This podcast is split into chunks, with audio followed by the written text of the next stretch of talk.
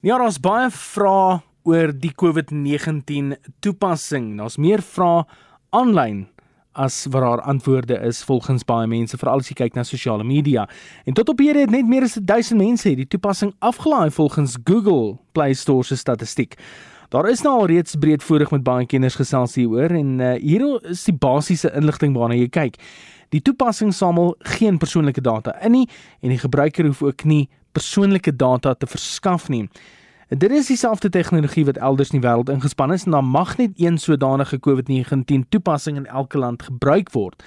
Nou dit werk is as jy positief getoets is vir COVID-19, dan sal jy op die toepassing alle vriende wat binne Bluetooth afstand van jou was in kennis kan stel dat jy positief is en dat hulle hulself dus moet laat toets.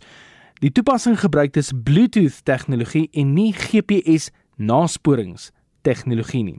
Die toepassing kan dus nie eintlik as 'n nasporingstoepassing genoem word nie, omdat die stelsel anoniem gedryf word. Nou of mense dit sal aflaai, bly egter 'n oop vraag veral as jy kyk na die reaksie op sosiale media en uh mense wat goeders plaas op hulle Facebook bladsy soos byvoorbeeld ek gee jou nie toestemming om my as 'n vriend te hê op jou kontaklys as jy hierdie toepassing aflaai nie.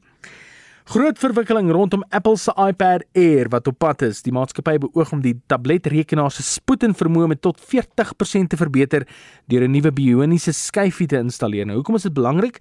Want 'n besigheid beteken spoed produktiwiteit, so maklik soos dit. Die tegnologie mag dalk nie goedkoop wees nie, maar as dit iets is wat jy gereeld in jou besigheid gebruik, let wel nie vir speletjies nie, dan is dit dalk die moeite werd om te kyk na die nuwe tabletrekenaar van Apple wat op pad is.